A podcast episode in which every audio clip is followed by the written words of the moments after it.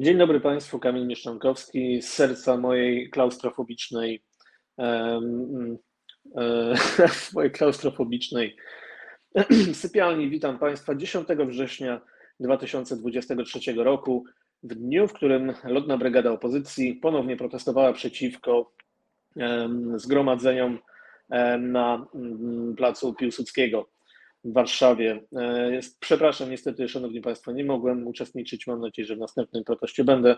Byłem trochę poza Warszawą. Ale wracając do rzeczy ważnych i ważniejszych, dzisiaj e, chciałbym porozmawiać z Państwem i z moim gościem o bardzo, dwóch bardzo ważnych i ostatnio e, istotnych i ważnych tematach, czyli o panu Czarnku i o aferze wizowej. Moim gościem dzisiaj będzie Jakub Stefaniak. Zapraszam, Jakubie. Dzień dobry. Witam wszystkich. Dzień dobry.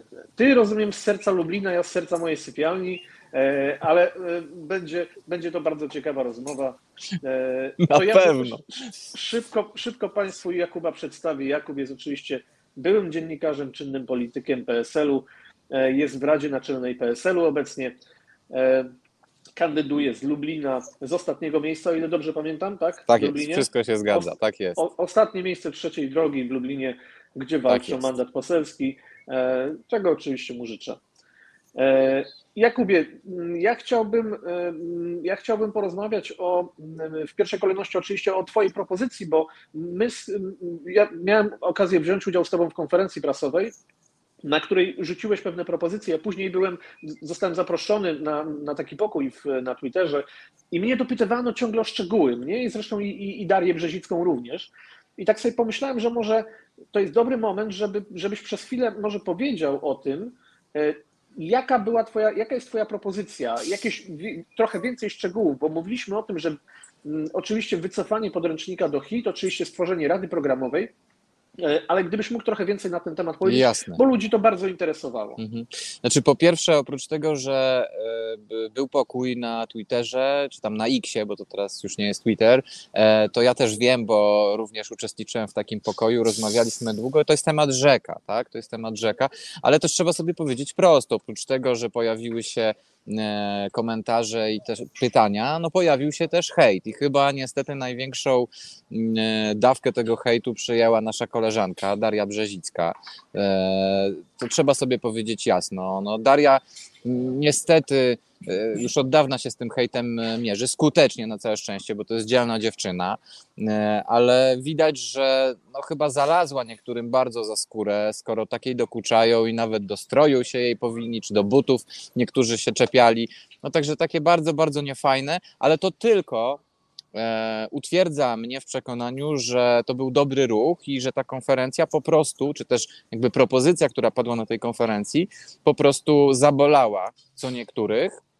A co to była za propozycja? A co to była Więc właśnie za propozycja? Propozycja była następująca. To fajnie napisał Onet o tym, że kandydat PSL-u chce wyrzucić do śmietnika sztandarowy e, projekt Czarnka. Ja dokładnie może nie chcę wyrzucać książek do śmietnika, bo tak zostałem wychowany, że książki nie powinny lądować w śmietniku. Natomiast e, na pewno e, zadeklarowałem, że po wygranych wyborach e, będę wnioskował do nowego ministra edukacji o wycofanie, kategoryczne wycofanie tego podręcznika, który no sam doskonale wiesz i pewnie nasi widzowie, którzy śledzą Twoją historię, Kamilu, e, wiedzą, że to jest kompletny bubel, on nie ma nic wspólnego z historią, to jest broszurka partyjna.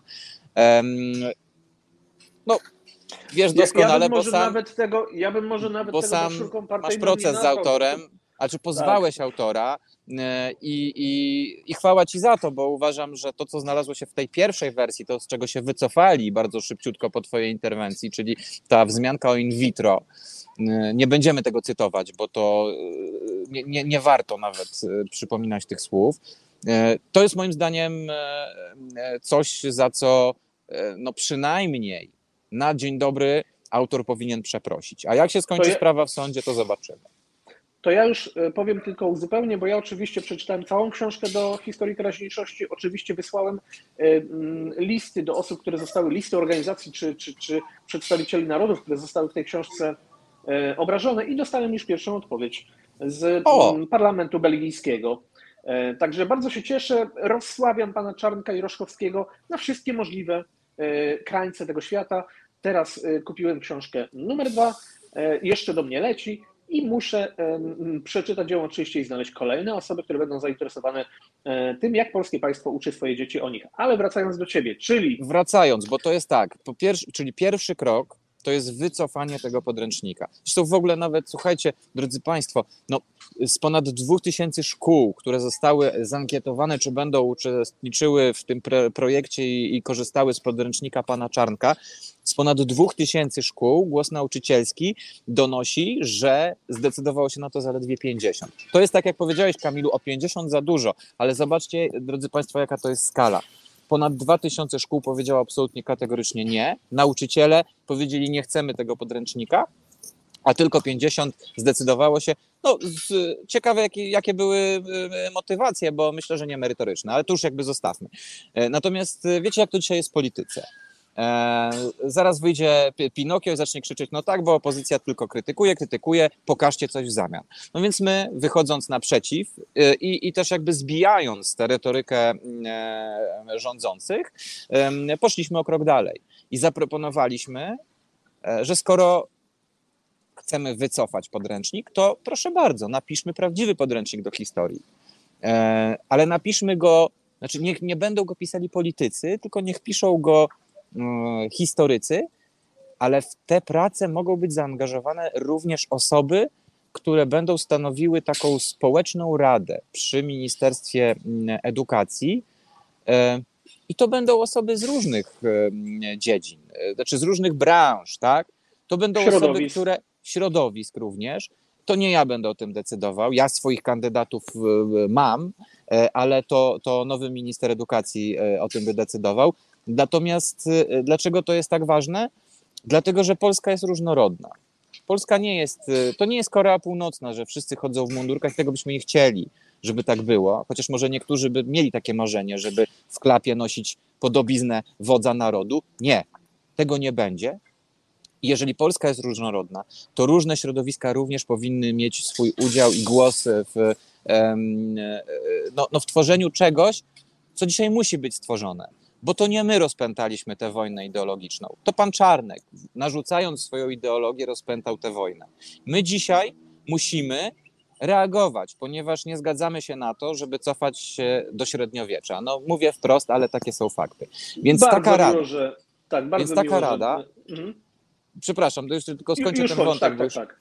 E, taka rada e, składałaby się z przedstawicieli różnych środowisk, nie muszą być to historycy. I tu znowu wracam do pani Darii Brzedzickiej, która została właśnie zaatakowana, że no, Stefaniak chyba spadł e, z szafy na głowę, bo proponuje prawniczkę do takiej rady. Tak? Dlaczego nie?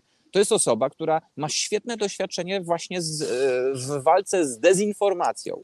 A, a, jednym z podstawowych zarzutów do tego podręcznika jest to, że on nie informuje, tylko dezinformuje. No więc jeżeli mamy takie osoby, to dlaczego te osoby społecznie nie mogą się wykazać, skoro chcą?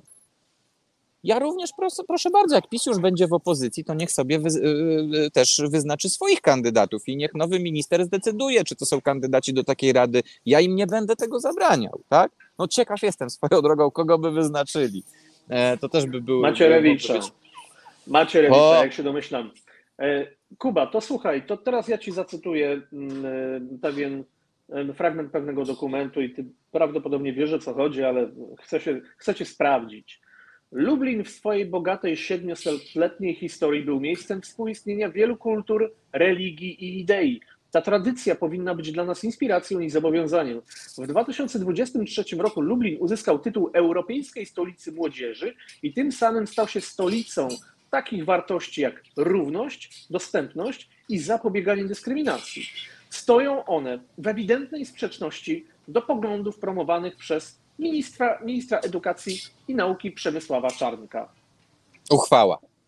Tak jest. Radni Lublina, szanowni państwo, uchwalili e, uchwałę między innymi e, zawierającą ten fragment, e, który wprost odnosi się do mieszkańca, człowieka prominentnego, w Lublinie, czyli pana Przemysława Czarnka. E, Ale wiesz co, mogę ci przerwać? Bo ja powiem ci tak, ja specjalnie tutaj siadłem dzisiaj, bo my jesteśmy, być może nasi widzowie nie wiedzą, jesteśmy, tu mamy Plac Litewski, tu mamy deptak lubelski za, za moimi plecami, jesteśmy w sercu miasta, miasta, które jako pierwsze powiedziało o tej ideologii dość. Ale ja muszę powiedzieć, że jako rodowity lublinianin jest mi przykro, naprawdę jest mi przykro, że ktoś kiedyś musiał taką uchwałę zgłosić, ktoś kiedyś musiał nad nią głosować. Jest mi naprawdę przykro, bo e, Lublin był zawsze miastem wielu kultur. Unia Lubelska, Unia e, Polsko-Litewska. E, to było miasto na styku kultur. Zawsze się o tym mówiło. Tutaj było przed wojną mnóstwo, cała dzielnica żydowska. Tak? Moja babcia mieszkała tam na Kalinie, miała koleżanki, które spod zamcza bawiły się razem. To były, to były dzieci żydowskie. Tak? Dzisiaj wiadomo, przez wojnę tych ludzi już nie ma. Większość z nich zginęła, część uciekła, ich rodziny są porozrzucane po całym świecie. Ale tu zawsze, e, tu zawsze ludzie ze sobą współegzystowali, e, e, ludzie z różnych kultur. I mnie jest osobiście w XXI wieku przykro, jako, jako człowiekowi, który jest bardzo proeuropejski, mimo że wierzący i konserwatywny czasami, ale proeuropejski, że moje miasto no niestety, ale przez ten podręcznik również e, jest e, w wielu e, krajach Unii Europejskiej kojarzone właśnie z, z ministrem, który w mojej ocenie nigdy tym ministrem nie powinien zostać. I, i mówię to szczerze, bo, bo o, ktoś napisał, że Lublin ma specjalne miejsce w moim sercu. Tak, bo to jest wspaniałe miasto, piękne, zresztą z pięknym, starym miastem. Przed chwilą e, tam byłem, bo to też jest bardzo blisko. I tutaj czuć to, że, że to jest miasto gościnne. Jakbyśmy tam troszeczkę dalej przeszli, zobaczylibyście, ile tam jest e, ludzi. E, I na szczęście, na szczęście e, mamy jeszcze miesiąc z kawałkiem. Ja, ja myślę, że to wszystko się zmieni, już nigdy takich uchwał nie trzeba będzie przyjmować, ale niech to będzie przestroga dla wszystkich. Natomiast wiecie, ja generalnie, jak już, jak już tak się e, trochę, trochę wchodzimy w taki klimat e, e, takiego otwierania się, to ja mam bardzo, bardzo przykre doświadczenia w tej chwili ze znajomymi, z którymi w Lublinie się spotykam, bo to nie jest tylko kwestia tej ideologii, tej uchwały. Wiecie, ostatnio spotkałem swojego wykładowcę, który jest już na emeryturze. I on mi powiedział tak, mówi, Kuba, wiesz, mi jest dzisiaj wstyd, za to, co dzieje się na naszej uczelni. Ja skończyłem KUL.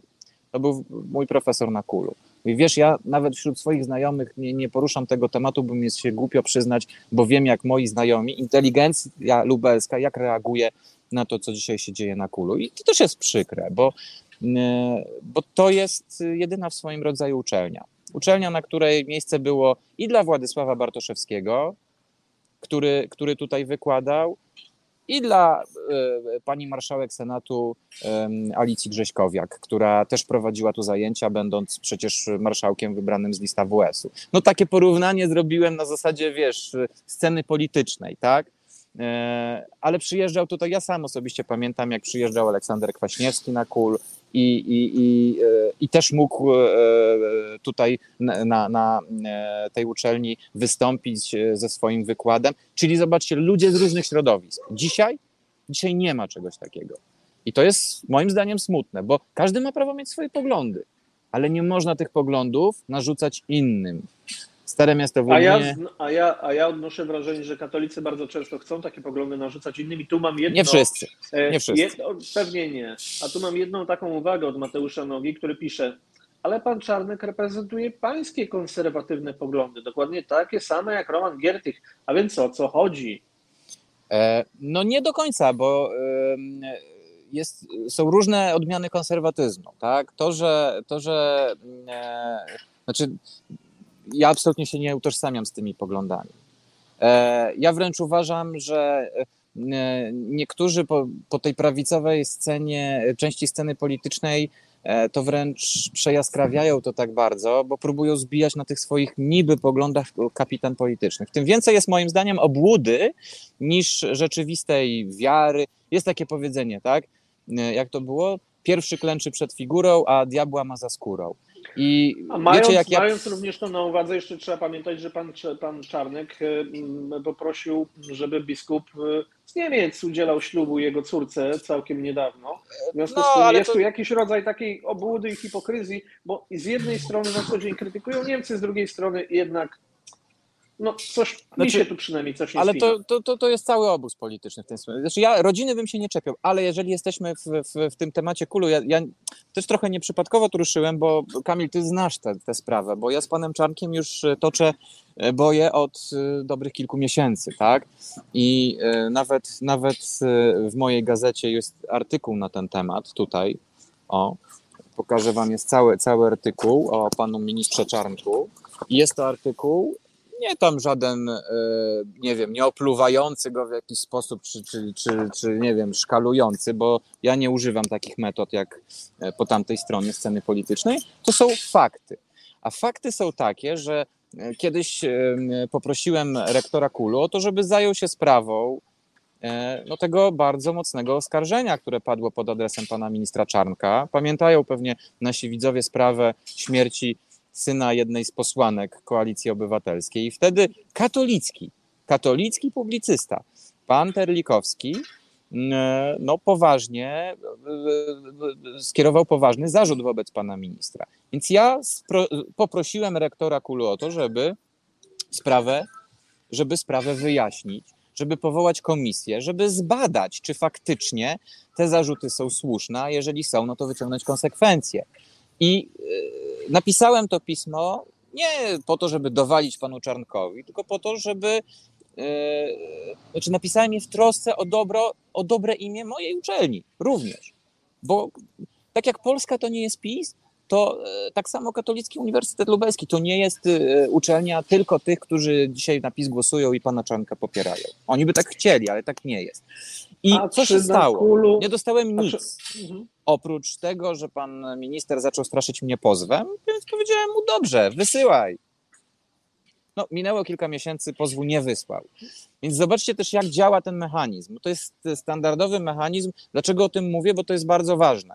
Dzisiaj jesteśmy w sytuacji takiej, że obóz rządzący, PiS będzie używał wszystkich narzędzi, łącznie z zastraszaniem, z próbą zastraszania i obywateli, i przeciwników politycznych.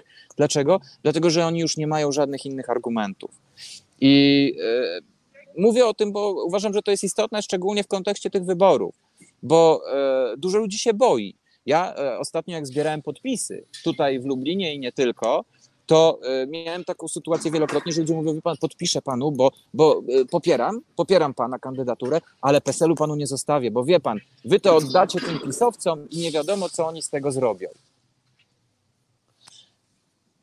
No jest widzę, tak, że pan Mateusz, tak. widzę, że pan Mateusz bardzo czepił się, e, uczepił się jednego słowa. Dobrze, to powiem, że nie do końca jestem aż tak bardzo, jestem takim konserwatywnym liberałem. No, spokojnie, to, to, bo też może to tak zabrzmiało tutaj, zresztą Kamil mnie zna i wie, no i stała się jasność, no to widzicie Państwo. O, tak. tak, czyli to na potwierdzenie moich słów. Jest oświeconym konserwatystą, tak bym to ujął, w tym momencie jest to organoleptyczne potwierdzenie za jego plecami. E, to może e, wracając do, do Pana Czarnka, e, powiedz mi, przypomnij mi, gdzie pracuje żona Pana Czarnka? Wiesz co, y, y, powiem tak, y, ja mam taką zasadę, ja rodziny się nie różę, nie, nie tykam. Dobra, nie to, wiem, to ja może, może, może, może pracować gdzie, gdzie chcę, znaczy, ja, ja, ja, będę się z panem Kuba. Czarnkiem tłukł na śmierć Ale życie. ja powiem dlaczego, ale no. ja powiem dlaczego. No. To nie jest tak, że ja się czepiam jego rodziny. On mhm. się czepił mojej, tak? On mi powiedział, że ja wykorzystuję swoją rodzinę okay. do celów politycznych i prawdopodobnie będę kandydował w tych wyborach. Nie będę kandydował w tych, ale nie będę kandydował w następnych. Więc jeżeli on się czepia mojej rodziny, to ja się czepię teraz jego rodziny. Żona pana okay. ile dobrze pamiętam, pracuje właśnie chyba na Kulu. Jest szefową jakiegoś wydziału i dostała ogromny, przepotężny grant z Ministerstwa Edukacji. I to nie jest nepotyzm? I kto tu jest złodziejem? No to powiem Wiesz, tak. E, to powiem tak. Rodziny być może. się nie czepiam. Gdyby rodzina, gdyby rodzina pracowała mhm. sobie w prywatnej firmie, to co mnie to obchodzi? Mhm. Ale ta pani dostaje pieniądze również publiczne. Znaczy, mo, mo, może powiem tak, być może w świetle prawa nie ma tam nic złego. Natomiast y, moralnie, etycznie, no ja bym czegoś takiego nie zrobił. E, ja zresztą mam to szczęście, że moja żona jest daleko od polityki i, i, i, i, bardzo dobrze i wystarczy, że jeden jest świrus w domu, w cudzysłowie. Natomiast e, wiesz, no to wiesz, nie ja jest też, chcę... też, kwestia tylko i wyłącznie tego pana, no bo jak zobaczysz... Ja też chcę pokazać pewien mechanizm, że ten człowiek o wszystkich dookoła oskarża, Dziękuję panie Rafale, chce pozywać, Dziękuję panie Rafale za bardzo miły komentarz. Tak, tylko wiesz co, zobacz. Wszystkich obraża, a tak naprawdę sam jest moralnie dyskusyjnym, mega dyskusyjnym człowiekiem. Ale to już nie jest jego, problem jednostkowy. E, jest, e, znaczy ja też w życiu nie, nie, zrobiłbym czegoś takiego, że e, nie wiem, wsadził swoją żonę do pięciu rad nadzorczych gdzieś tam, które doją państwo. I zobacz, ten obóz polityczny to robi. Znaczy, oni już złamali wszystkie zasady. I ja pamiętam, jak się śmiali, no, jak krytykowano inne partie, tak? Mówili, że, że my robimy źle, czy, czy Platforma robi źle, czy, czy ktokolwiek z opozycji, czy Lewica, tak? Ale nigdy wcześniej, nigdy wcześniej nie było dojenia państwa na taką skalę. Nigdy wcześniej nie było takich rzeczy, jak ty mówisz. No, no te słynne właśnie rady nadzorcze, te tłuste koty. E, to jest, to jest przedmiotowe traktowanie państwa. Ja się też z tym nie jest, zgadzam. To jest, w tym celuje PiS. W tym celuje no PiS. No tak, no właśnie o tym mówię. Więc no, jakby wyszliśmy od e, szczegółu, przechodzimy do ogółu. Bo tutaj mamy niestety e, olbrzymi problem, natury takiej, że mm, to już jest taka pajęczyna, tak? To, to jest pajęczyna. No ale no co ja mam powiedzieć? No naprawdę niektórych zasad i przyzwoitości nie da się zapisać żadną ustawą. Kochani, ja po... nigdy się nie, nie, nie będzie dało. No naprawdę. No Kamil, no możesz... Mi, za... no, no, To jest dla mnie oczywiste, ale powiedz mi, czy trzecia droga też ma taki bardzo silny imperatyw, żeby rozliczyć tych ludzi? Wiesz, no ja mogę mówić za siebie. Ja mam. Znaczy, ci, którzy mnie znają, wiedzą doskonale, że ja mm, pracuję też e, na rzecz e, funkcjonariuszy, którzy zostali podwójnie zweryfikowani, e, którym odebrano niesłusznie emerytury, nazywając ich ubekami, mimo że z ubecją nie mieli nic wspólnego. Między innymi żona generała Marka Papały trafiła na tę niechlubną listę i też stała się ofiarą tej represyjnej ustawy. Mm, więc no, no, dla mnie to jest coś, co nie powinno mieć miejsca w XXI wieku. Jeżeli ktoś w latach 90. został oceniony, przeszedł weryfikację, do, nabył prawa, bo emerytura to prawo nabyte, to żaden pan Macierewicz czy inny kosmita nie może mu tych praw, nie powinien mu tych praw zabierać. I będę zdeterminowany, tym działaniu, żeby ukarać. Ja wiem, kto napisał tę ustawę. Do tej pory ten pan, chociaż już nie jest ministrem, nie pełni żadnych funkcji, jeździ y, samochodem SOP-u z ochroną. I nie jest to pan Macierewicz. Ja wiem, kto to zrobił. I to nie jest żadne straszenie. Ja po prostu uważam, że przykładnie ta osoba powinna ponieść odpowiedzialność nie po to, żeby się na, nim, na niej mścić, tylko po to, żeby w przyszłości żadna siła polityczna nie zrobiła takiego samego numeru jakiejkolwiek grupie społecznej. Czy to nauczyciele będą, czy pielęgniarki, czy ktokolwiek inny. Jeżeli ktoś ma prawa nabyte, to nie powinno mu się tych praw odbierać. I... Tym bardziej w taki prostacki sposób, bo umówmy się, że ta ustawa po prostu to był to było taki, mm, to było, to było rażenie wszystkich pokoleń, niezależnie od tego, czy oni coś zrobili złego, czy nie. To było odpowiedzialność zbiorowa w najgłupszy możliwy sposób, bo karani byli ludzie, którzy by na przykład byli kobiety, które były sekretarkami, faceci, którzy byli na etatach w MSW gdzieś, y, y, ale byli mechanikami samochodowymi. Wiesz, y, ale no... Kamil, ja wam powiem, ja powiem wam historię. Ona co prawda, e, no tutaj wrócimy do MONU na chwilę. E, ja też no, współpracowałem z, ze Stowarzyszeniem Lotników Polskich. Ja jestem mocno emocjonalnie związany z lotnictwem, latałem z biało-czerwonymi iskrami no z tego się nie, nie da e, już, e, z tej, z tej choroby się nie wyrasta, jak to mówią piloci. I, I powiem wam, że zrobiło mi się bardzo przykro, jak e, kilkudziesięciu, no osiemdziesięcioparoletni pułkownik w stanie spoczynku, pilot, już chodzący o laseczce, pan Kazimierz Pogorzelski opowiadał mi historię, jak zostali potraktowani ci, ci seniorzy lotnictwa przez pana Macierewicza. Pan pułkownik usłyszał od kogoś z otoczenia ówczesnego ministra, że on nie ma czego szukać tutaj, bo, bo on jest z Ludowego Wojska Polskiego, e, bo służył e, przed 89 rokiem. I to jest o tyle kuriozalna sytuacja, że tym właśnie dziadkom, przepraszam, że tak mówię, ale to, to tym dziadkom, którzy tam się spotykali, mieli jakiś pokoik w tym monie, no nawet ten pokoik zabrali.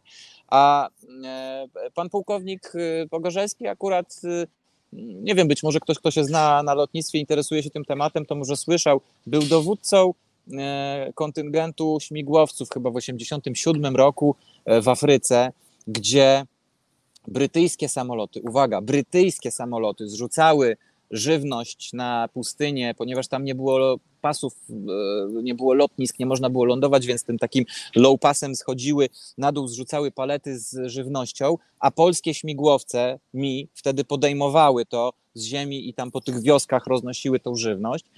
To była pierwsza w historii misja jeszcze właśnie komunistycznego wojska, którą dowodził oficer brytyjski, czyli e, będący już wtedy w strukturach NATO.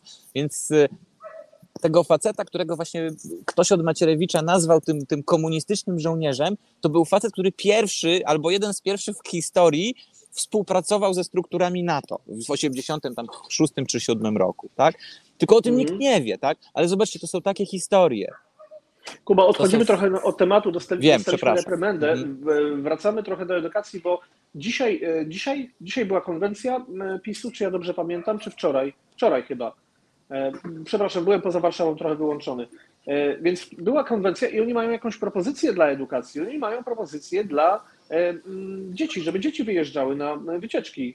Ale to, to świetnie, że oni mają te, świetnie, że oni mają te propozycje, bo oni te propozycje. Tylko wiesz, problem pana Kaczyńskiego polega na tym, że pan Kaczyński żyje w bańce i chyba nikt mu nie powiedział, że te dzieci już dawno na takie wycieczki wyjeżdżają.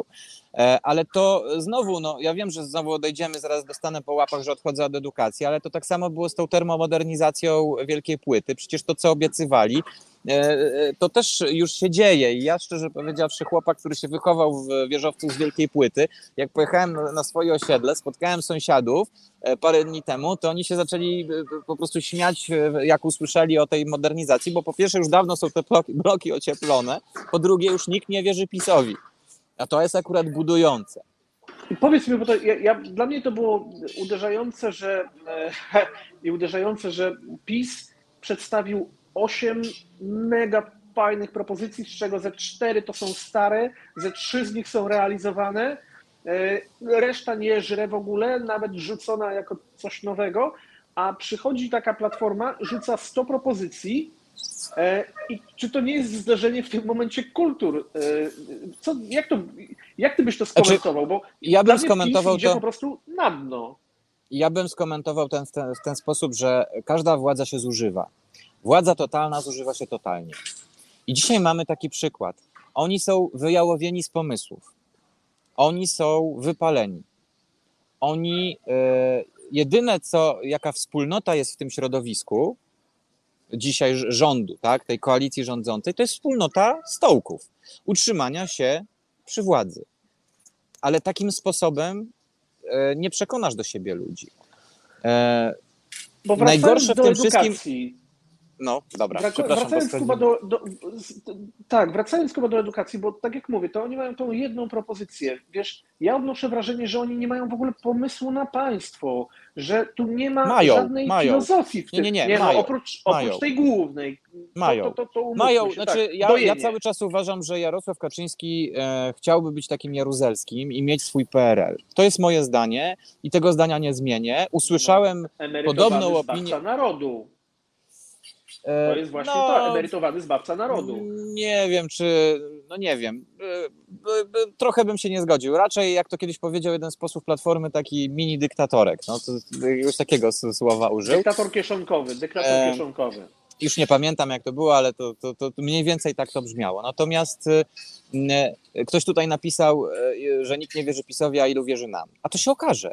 15 października. To się okaże, ile wierzy, na, ile wierzy nam, a ile e, wierzy e, e, PiSowi. Znaczy ja mam Bo... nadzieję, że opozycji, partiom prodemokratycznym wierzy o wiele więcej osób niż, niż temu, temu PiSowi, który dzisiaj już sam zżera własny ogon. Oni się między Bo sobą jeszcze... nawet kłócą. Mhm. Bo jeszcze wracając do, do, do edukacji, wiesz, edukacja dzisiaj w Polsce zmaga się z wieloma problemami. Pierwszym i głównym problemem jest jej finansowanie i pensje. Pieniądze. Pensje, pensje Oczywiście. nauczycieli. Oni wchodzący do zawodu nauczyciel dostaje 90 zł więcej niż najniższa krajowa. To jest, Ale to jest, to jest dehumanizacja ogóle... zawodu, to jest to degradacja jest... zawodu, to jest niszczenie zawodu i to jest celowe no, nie, nie mam słów, no, żeby to opisać, ale bo, bo to, te, tego Kamil, się nie da opisać. Kamil, no to doskonale wszyscy wiemy i historia, która jest nauczycielką życia, e, temu dowodzi, że łatwiej e, manipulować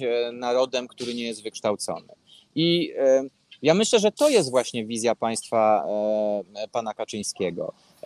Dać 500 złotych, obniżyć poziom edukacji, tak żeby wierzyli w co im się powie, bo im jeszcze to pisowska telewizja nakręci y, y, w głowie i na, na uszy i pięć razy powtórzy i jakoś y, to, to będzie. Tylko, że dzisiaj tego się nie da zrobić tak, jak to robił właśnie Jaruzelski, bo Jaruzelski w 1981 roku nie miał internetu, jak wprowadzał stan wojenny.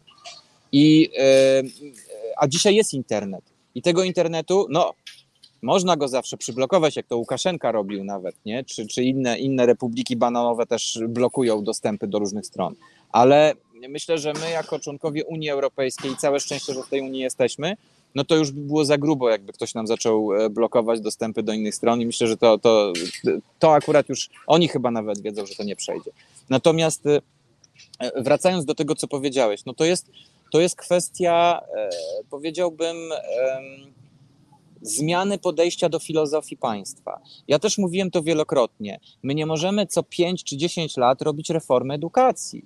Bo jeżeli my będziemy zawracali kijem Wisłę co e, wybory albo co dwie kadencje, to ta edukacja nie będzie stabilna. To będzie cały czas rozedrgany twór, gdzie nauczyciele, samorządowcy, wszyscy po kolei będą mieli problem. Zobaczcie, co się zadziało z gimnazjami. Muszę do tego wrócić, bo to jest dosyć istotna sprawa. Ci sami ludzie, którzy e, przywracali teraz ośmioklasową podstawówkę, głosowali wcześniej za gimnazjami, bo to byli posłowie AWS-u, którzy dzisiaj są w PiSie. Tak? To, to, jest chore. Ale wiecie, co jest najgorsze? Najgorsze jest to, że jak już te gimnazja e, wyszły na prosto, jak samorządowcy sobie z tymi gimnazjami po, jakoś poradzili, tak? Bo na początku to była padaka, no to przyszedł pan Jarosław i powiedział: Nie, wracamy do ośmioklasowej podstawówki. I znowu wszystko przewrót na wywrót, tak? To jest pierwsza rzecz. E, w Skandynawii edukacja nie jest, e, system edukacji nie przechodził jakichś e, dramatycznych reform dziesiątki lat i dlatego funkcjonuje bardzo dobrze.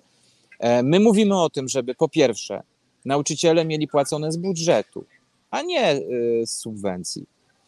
To jest gwarancja tego, że te pieniądze będą, tak? Że nie będzie tak, że pensje są w ostatniej kolejności, bo trzeba jakieś inne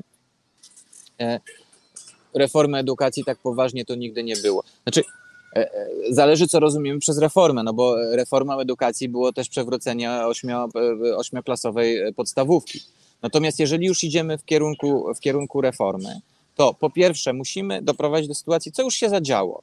Trochę pod egidą ZNP, ale partie opozycyjne porozumiały się co do tego, że nie będą wywracać tego przysłowiowego stolika, jak to co niektórzy mówią, co 4 czy tam 8 lat. Tak? My podpisaliśmy pewnego rodzaju porozumienie, to się nazywa Pakt dla Edukacji, gdzie znaleźliśmy jakieś części wspólne.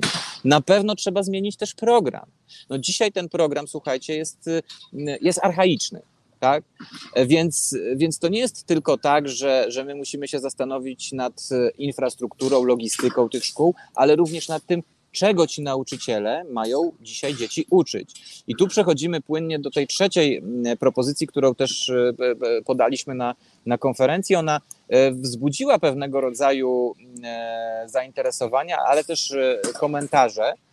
Komentarze, które jakby w 90, a może 80% skupiały się na tym, że program jest przeładowany. I tu pełna zgoda, jest przeładowany. Ale dzisiaj może warto zamiast y, jakichś niepotrzebnych rzeczy tak oczyścić ten program z tych niepotrzebnych rzeczy, żeby wprowadzić takie przedmioty, które tym młodym ludziom się naprawdę przydadzą. Ja jestem absolutnie za tym, żeby uczyć cyberbezpieczeństwa. Cyberbezpieczeństwo to jest, to jest przyszłość. I E, I taki, taki, taki przedmiot powinien w polskiej szkole funkcjonować. Ja znam kraje, które są w sytuacji takiej, że są narażone na różnego rodzaju ataki, nie tylko terrorystyczne, i tam dzieci już w liceach uczą się cyberbezpieczeństwa, tak? Podstaw. Ja, ja tylko chciałbym dodać, że dzisiaj czytałem informację o tym, że w końcu sztuczna inteligencja została wykorzystana do metody na wnuczka. Zadzwoniła mama, podała się za mamę, e, był sample głosu wykorzystany związku z tym, Szanowni Państwo, e, ludzie muszą się mm, edukować odnośnie nowych technologii. Dzieci muszą mieć świadomość, jak weryfikować informacje, jak odróżnić prawdę od fałszu, gdzie jest dezinformacja i na czym ona polega, jakie chce osiągnąć efekty. I o tym powinniśmy nauczać. I tak powinna wyglądać polska edukacja nowoczesna.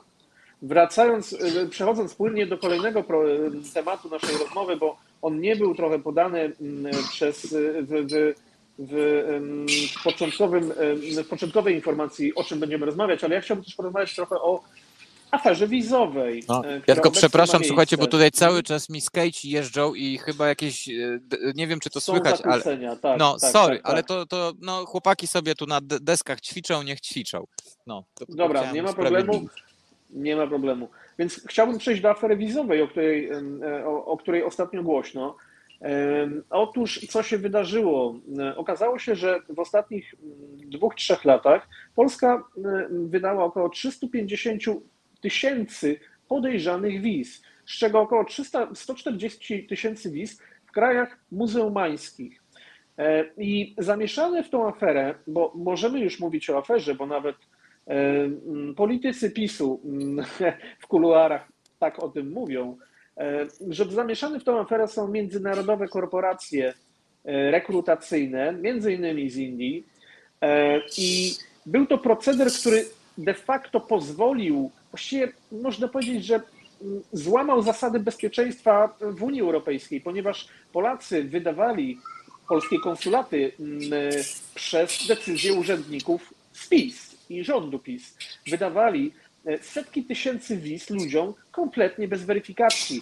W jednym z artykułów e, bodajże Gazety Wyborczej było napisane, bądź Radia Z, Radia Z chyba, że jeden z wysokich urzędników MSZ-u wypowiadał się, że przed e, konsulatem w jednym z afrykańskich państw stał stragan z podbitymi wizami i wystarczyło tylko wpisać imię i nazwisko polskimi wizami. E, mhm. I mm, CBA zostało zmuszone do przeprowadzenia tej operacji, szanowni państwo, e, przez służby naszych aliantów. Co się dzisiaj okazuje, to również Niemcy, pamiętacie, parę miesięcy temu Niemcy chcieli wznowić granice, na, e, postawić posterunki graniczne między Polską a Niemcami. I to nie chodziło o nielegalną migrację na granicy z Białorusią.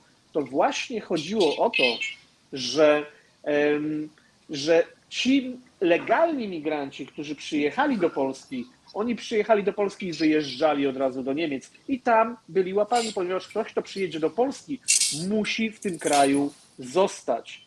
E, jeżeli my wydajemy wizę, to nie można z tą wizą jechać gdziekolwiek indziej, pomimo tego, że mamy granicę Schengen i można je dowolnie przekraczać. Ale cudzoziemcy na naszej wizie nie mają prawa jechać nigdzie indziej.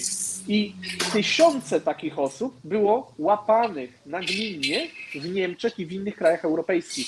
Stąd jest cała awantura i stąd CBA zostało zmuszone do tego, żeby się tą aferą zająć. Kuba, jaki jest Twój komentarz w tej sprawie? Mhm.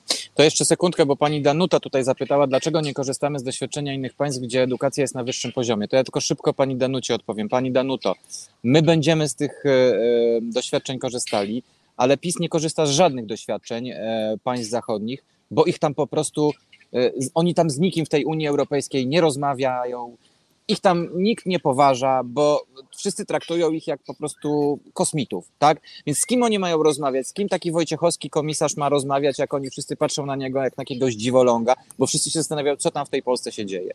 Więc y, to tylko tyle, y, ale mam nadzieję, że to się zmieni. Natomiast jeśli chodzi o sprawę e, afery wizowej, e, to dzisiaj podjęliśmy już pewne kroki. Szanowni Państwo, no wczoraj, wczoraj czy przedwczoraj Władysław Bartoszewski, junior, czyli syn, który jest posłem w naszym klubie, wezwał do zwołania komisji spraw zagranicznych e, e, i, i do dymisji e, ministra spraw zagranicznych. Tak? Zainteresowaliśmy też Najwyższą, Najwyższą Izbę Kontroli tym, co dzieje się w, w MSZ-cie.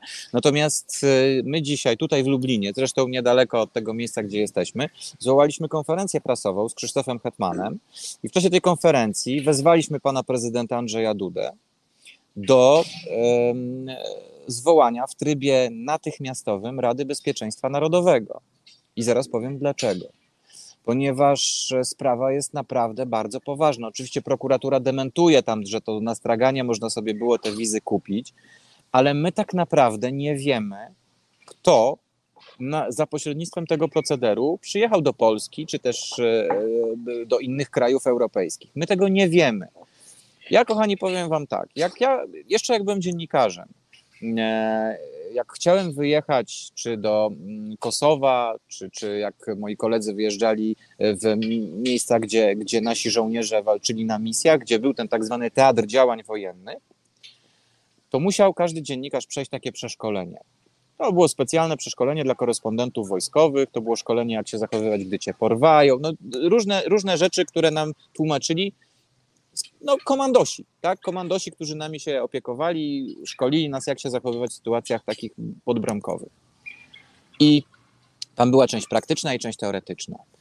I ja mam pewnego rodzaju, ja nawet jako dziennikarz, który przeszedł takie szkolenie, mam pewnego rodzaju wiedzę, którą nie będę się teraz dzielił, bo nie mogę tego zrobić, bo nie wiem, czy to jest wiedza powszechnie znana, czy nie. I nie chcę, żeby ktoś później pociągał mnie do odpowiedzialności, ale jest to wiedza na temat funkcjonowania różnego rodzaju wywiadów różnych państw, nie tylko Al-Kaidy. Jak funkcjonują, jak działają, jak przedostają się, jak, jak wchodzą w różne środowiska. I mając taką wiedzę, ja nie miałem absolutnie żadnych e, wątpliwości co do tego, że dzisiaj powinniśmy e, wykonać taki ruch. Po, po, pierwsze, powiedzieć panu prezydentowi sprawdzam, bo to też jest ważne, bo jakoś dziwnie, oprócz tego, że wczoraj czytał e, nad Niemnem na narodowym czytaniu, to jakoś chyba do tej pory głosów w sprawie afery wizowej nie zajął. A przypominam, że to nikt inny, tylko prezydent jest zwierzchnikiem sił zbrojnych i on również odpowiada za bezpieczeństwo. A jak ja słyszę pana Kaczyńskiego i całą tą jego ferajnę, którzy cały czas jak mantrę powtarzają bezpieczeństwo, bezpieczeństwo, no to proszę bardzo, przejdźmy od słów do czynów.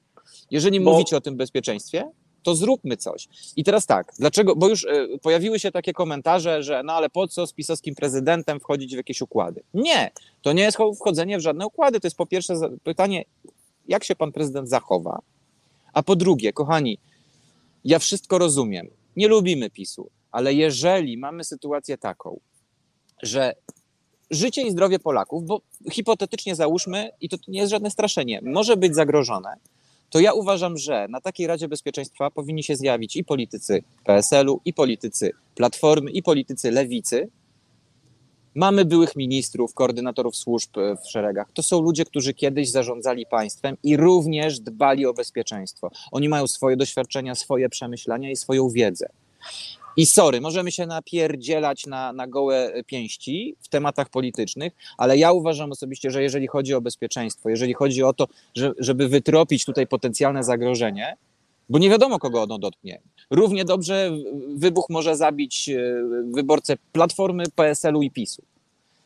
To uważam, że w takim temacie powinniśmy usiąść wszyscy i powiedzieć: Słuchajcie, możemy zrobić to, to i to wymienić się tymi doświadczeniami. A poza tym, z drugiej strony, uważam też, że liderzy opozycji powinni wiedzieć, też nie będą się chwalili tą wiedzą, bo oczywiście posiedzenia Rady Bezpieczeństwa Narodowego mają klauzulę tajności, ale również przedstawiciele opozycji, którzy ja liczę, że za chwilę będą rządzić, powinni wiedzieć, na czym dzisiaj stoimy, jakie działania są podejmowane, jakie są plany. Więc ta Rada Bezpieczeństwa, uważam, jest z racjonalnego, nie politycznego, ale racjonalnego punktu y, widzenia y, jak najbardziej wskazana.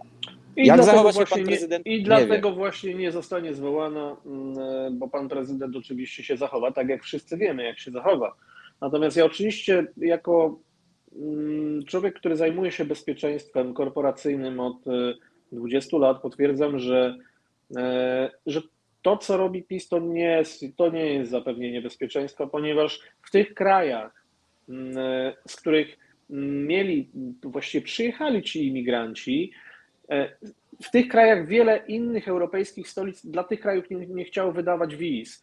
Tam na pewno kraje, które postkolonialne, w sensie te które, kraje takie jak Francja czy, czy Holandia, e, e, na pewno mają listy terrorystów, którymi się nie dzielą z polskim wywiadem, których nie wpuszczają, czy po osób podejrzanych o terroryzm z tych krajów, których nie wpuszczają na swoje terytorium i nie wpuszczają ich w ogóle do Unii Europejskiej. Ale Kamil, czy to, czy to A jest... u nas przebiegało to po prostu taśmowo. No ale Oni właśnie, to czy problem... już tu są. Ale problem polega na tym, że my, my, znaczy nie my, ale rząd PiSu dzisiaj w Unii Europejskiej stworzył coś na kształt takiego bypassa. Oni po prostu, no po co ten mur wybudowali? Przepraszam. Wszyscy się ekscytowali, że jest dobry wieczór, pani Agnieszko, tak? Nie, to nie pani Agnieszka, sorry już, e, ale dobry wieczór. E, czytam komentarze. Po co oni ten mur budowali na granicy, jak to nie mur jest dziurawy, jak durszlak i przecieka, Jakub, tylko mamy tutaj bypass. Tak, budowali mur, żeby odwrócić uwagę, ponieważ. No dobra, to ja mam inne pytanie. Skopiowali pomysł Łukaszenki. Dobrze, tylko teraz ja mam. Albo Trumpa, bo Trump też pamiętasz, jak w Meksyku przecież mówił, że mur wybuduje, i jak prezydent Meksyku powiedział, że, że e, nie wybuduje żadnego muru, to Trump mu odpowiedział, to jeszcze dwa metry dorzucę, tak, wyżej. To była taka kampanijna jego tam, prawda, przepychanka, ale była. No dobrze, to teraz ja mam do ciebie pytania, a może ktoś z naszych widzów y, y, też będzie miał jakąś refleksję. Skoro tak mówisz, to co w takim razie kierowało pisem? Głupota czy sabotaż? Bo ja nie widzę innych opcji. Są tylko dwie. Albo głupota i niewiedza i nieumiejętność, albo sabotaż. No, no, no bo co jeszcze? Both? Dlaczego nie obie? Hmm. No to wiesz, to, to, to już w tym momencie, jeżeli, jeżeli to, są, to są bardzo poważne oskarżenia, jeżeli, e, jeżeli e, w wyniku jakby przeprowadzonego dochodzenia śledztwa jakichś działań doszlibyśmy do, do wniosku, że faktycznie jak powiedziałeś, both, ale Kuba, tak? To i to, no to, to stary, ale to, to już nie jest Trybunał Stanu. To już jest. Już, jeden argument już... za. Jeden argument no. za. PiS mówi o zgniłym zachodzie, tak samo jak Putin mówi o zgniłym zachodzie. Jeżeli PiS doskonale wiedział, że ci ludzie, którzy przyjadą do Polski, nawet w ramach relokacji oni stąd wyjadą. Polska nie jest przyjaznym krajem dla, dla cudzoziemców. Nie mamy nie tak. efektywnego. Tak. Nie, nie, poczekaj, nie poczekaj tylko skończę, no. skończę tylko. Nie mamy efektywnego e, procesu asymilacji cudzoziemców w polskim społeczeństwie. Nie ma, nie ma, nie, nie ma czegoś takiego. I teraz, jeżeli ty karmisz swój elektorat negatywnym, negatywnym, negatywnym przekazem, że Unia Europejska to zgnilizna zło i pokazujesz w swojej własnej telewizji w tym samym momencie, kiedy wpuszczasz tych ludzi, spoty, w których cudzoziemcy, uchodźcy niszczą europejskie stolice, to tak naprawdę co ty chcesz osiągnąć? Ty chcesz ich wpuścić tam jak najwięcej, bo oni tam pojadą, nie zostaną tutaj. Absolutnie nie, e, nie zostaną. Zresztą ja ci powiem, ja też e, w 2011 roku, jak jeszcze w Polsce nie było w ogóle mowy o jakimkolwiek kryzysie migracyjnym, ja e, jako dziennikarz akredytowany przy Frontexie, Frontex to jest taka organizacja skupiająca europejskie policje graniczne, pojechałem do Grecji na, e, konkretnie na granicę grecko-turecką. To jest stu, tam około 100-kilometrowy odcinek, gdzie Grecy nie byli w stanie sobie poradzić z masową migracją. Tam przez ten przesmyk e, dziennie tysiące ludzi się przedostawało do Unii Europejskiej e, i nasi e, pogranicznicy, nasi, nasi strażnicy e, graniczni jeździli tam z termowizją, z różnymi, nawet śmigłowce z Kętrzyna z, z, ze szkoły latały tam po to, żeby Grekom pomagać, bo Grecy sobie nie byli w stanie poradzić, tam były kontyngenty, Rumuni przyjeżdżali, Polacy, Niemcy i, i wszyscy jakoś tam próbowali zahamować ten proceder. To było w 2011 roku. I ja wtedy pamiętam, jak komendant greckiej policji powiedział mi: e, Wy się nie macie o co martwić, Kuba.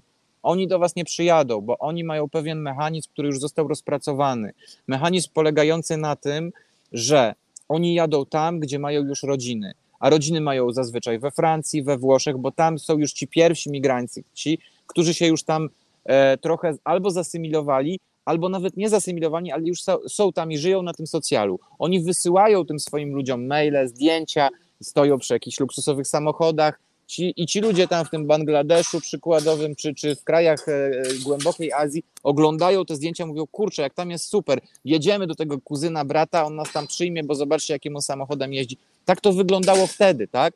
Więc absolutnie pełna zgoda. Polska jest krajem tranzytowym, ale nie dlatego, że tutaj się żyje źle, tylko to są zupełnie inne konteksty kulturowe. To są narody, które mają bardzo silną więź taką rodzinną i dlatego one udają się już w miejsca, gdzie wcześniej. Docelowe. E, tak, wcześniej już jacyś, jacyś, e, jacyś I, ich krewni e, mieszkali. I, i w mieszkają. mojej ocenie PiS to wie i chciał na tym zbić kapitał polityczny, bo oni doskonale wiedzieli o tym, że ci cudzoziemcy tu nie zostaną, że oni pojadą właśnie do swoich rodzin i mieli pełną tego świadomość, tylko że no to jest podłe. Mają, to jest podłe tylko, że ma, tylko, że, tylko, że mając na uwadze wiedzę, którą ja dzisiaj mam, dzięki między innymi mojej żonie, to będzie wyglądało tak, że ci wszyscy ludzie będą zwróceni do nas. Jeżeli oni znowu będą przekraczać granice, e, no, będą deportowani. Te 350 tysięcy ludzi, oni w końcu będą musieli gdzieś u nas na tej ziemi mieszkać, żyć, pracować i nie wyjadą stąd bardzo szybko, bo to nie jest możliwe, bo jeżeli przekroczą polsko-niemiecką granicę, to są w Niemczech nielegalnie, niezależnie od tego, że, granica jest, że granica jest otwarta, bo mamy Schengen. E, I to jest problem, szanowni państwo, co PiS dzisiaj nam zgotowało. Konsekwencje, potężne konsekwencje swoich działań, bo dzisiaj państwa europejskie będą wyłapywały tych ludzi i będą ich przesyłały do nas. To też zależy wszystko od wewnętrznych regulacji, jakie dane państwo Unii e, członkowskie ma. E, ja nie wiem, jak to dzisiaj wygląda, jeśli to chodzi ja ci powiem, o... jak to wygląda. Mhm. Kuba, to wygląda tak, że miejsce originu, czyli miejsce, w którym mhm. ten człowiek przyleciał do Unii Europejskiej i dostał tu wizę, on ma być w tym kraju. Nie ma prawa wyjeżdżać nigdzie indziej. To Kamil, to ja się Jeżeli trochę wyjedzie, nie zgodzę, zaraz ci powiem. No. Mhm. Na wizie nie ma prawa wyjechać. Na Jasne. wizie musi, musi być mhm. tutaj ale to widzisz, to zależy wszystko od tego, jakie regulacje jeszcze wewnętrzne są indywidualne, te narodowe, bo na przykład ja wiem, jak to było w tej no, wspomnianej już Grecji. E, dlaczego oni e, wybierali drogę, bo to te kanały tranzytowe też są ważne, tak? Które, którędy. Dlaczego oni na przykład e, w pewnym momencie e, mówią o uchodźcach i o przemytnikach, bo to też trzeba powiedzieć, że to przemytnicy przecież mm, e, są odpowiedzialni za to. Nie, nie, nie jechali na przykład przez Kaliningrad, tylko jechali gdzieś tam, próbowali do Europy, bo przez Kaliningrad też był taki moment, że, że wyłapowali nasi na granicy y, obwodu kaliningradzkiego, to nasi wyłapywali, ale tam były takie sytuacje, że na przykład y, mieszkańców Afryki wyłapywali nasz, nasza polska Straż Graniczna, a tam ci, ci ludzie, ci uchodźcy zaczynali do nich po niemiecku mówić, bo ich przemytnik oszukał, zostawił ich na polu w Polsce, mówi tak, tak, już jesteście w Niemczech, nie? I tu nagle landki podjeżdżają, goście z, z karabinami i zaczynają po polsku, a ci po niemiecku do nich, bo tam coś mieli na kartce, napisają i po niemiecku dukają, bo byli przekonani, że są w Niemczech. Ale dlaczego szli wtedy przez Grecję? Bo Grecja na przykład ma takie przepisy, że jak już postawi ten uchodźca stopę na ziemi greckiej, to Grecy muszą go zbadać, na trzy tygodnie zamknąć w ośrodku takim izolacyjnym, w tym takim detention, oszczepić go na wszelkiego rodzaju szczepienia mu zrobić, jeżeli takowych nie ma, i on wtedy podpisuje oświadczenie, że zobowiązuje się w ciągu tam, nie wiem, trzech czy pięciu dni opuścić teren Unii Europejskiej, dostaje 50 euro na bilet i słuchajcie, i co oni robią? I oni, ci, ci ludzie zamiast opuścić ten teren, są wypuszczani, idą, idą kilkadziesiąt kilometrów na piechotę do najbliższego dworca, wsiadają w pociąg i spierdzielają z tej Grecji do właśnie Francji, Włoch, gdzie tylko się da, żeby uciec z Grecji, bo mają ten kwitek e, e, od greckiego rządu, tak? Więc jakby regulacje wewnętrzne parlamentów krajowych różnych państw Unii Europejskiej też mają znaczenie.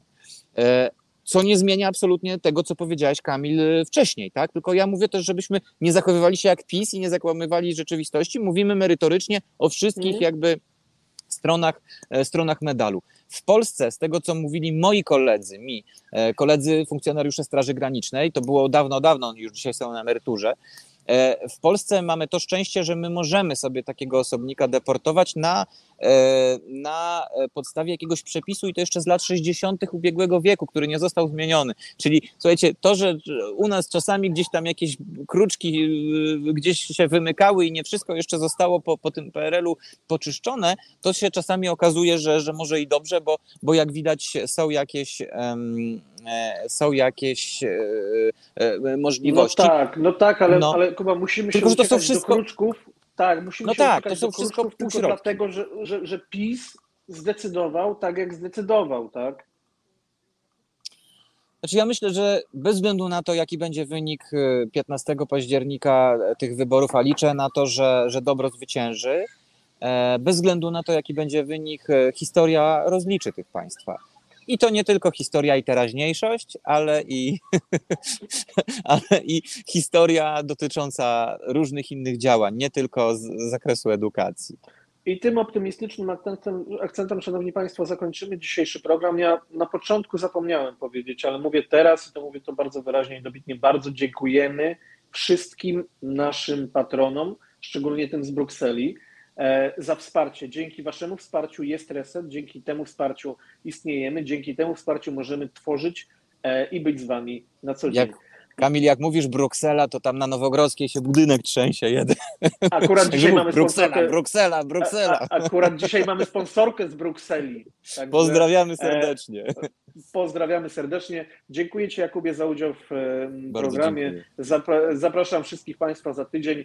E, Myślę, że będzie również ciekawy gość. Dziękuję uprzejmie i do zobaczenia.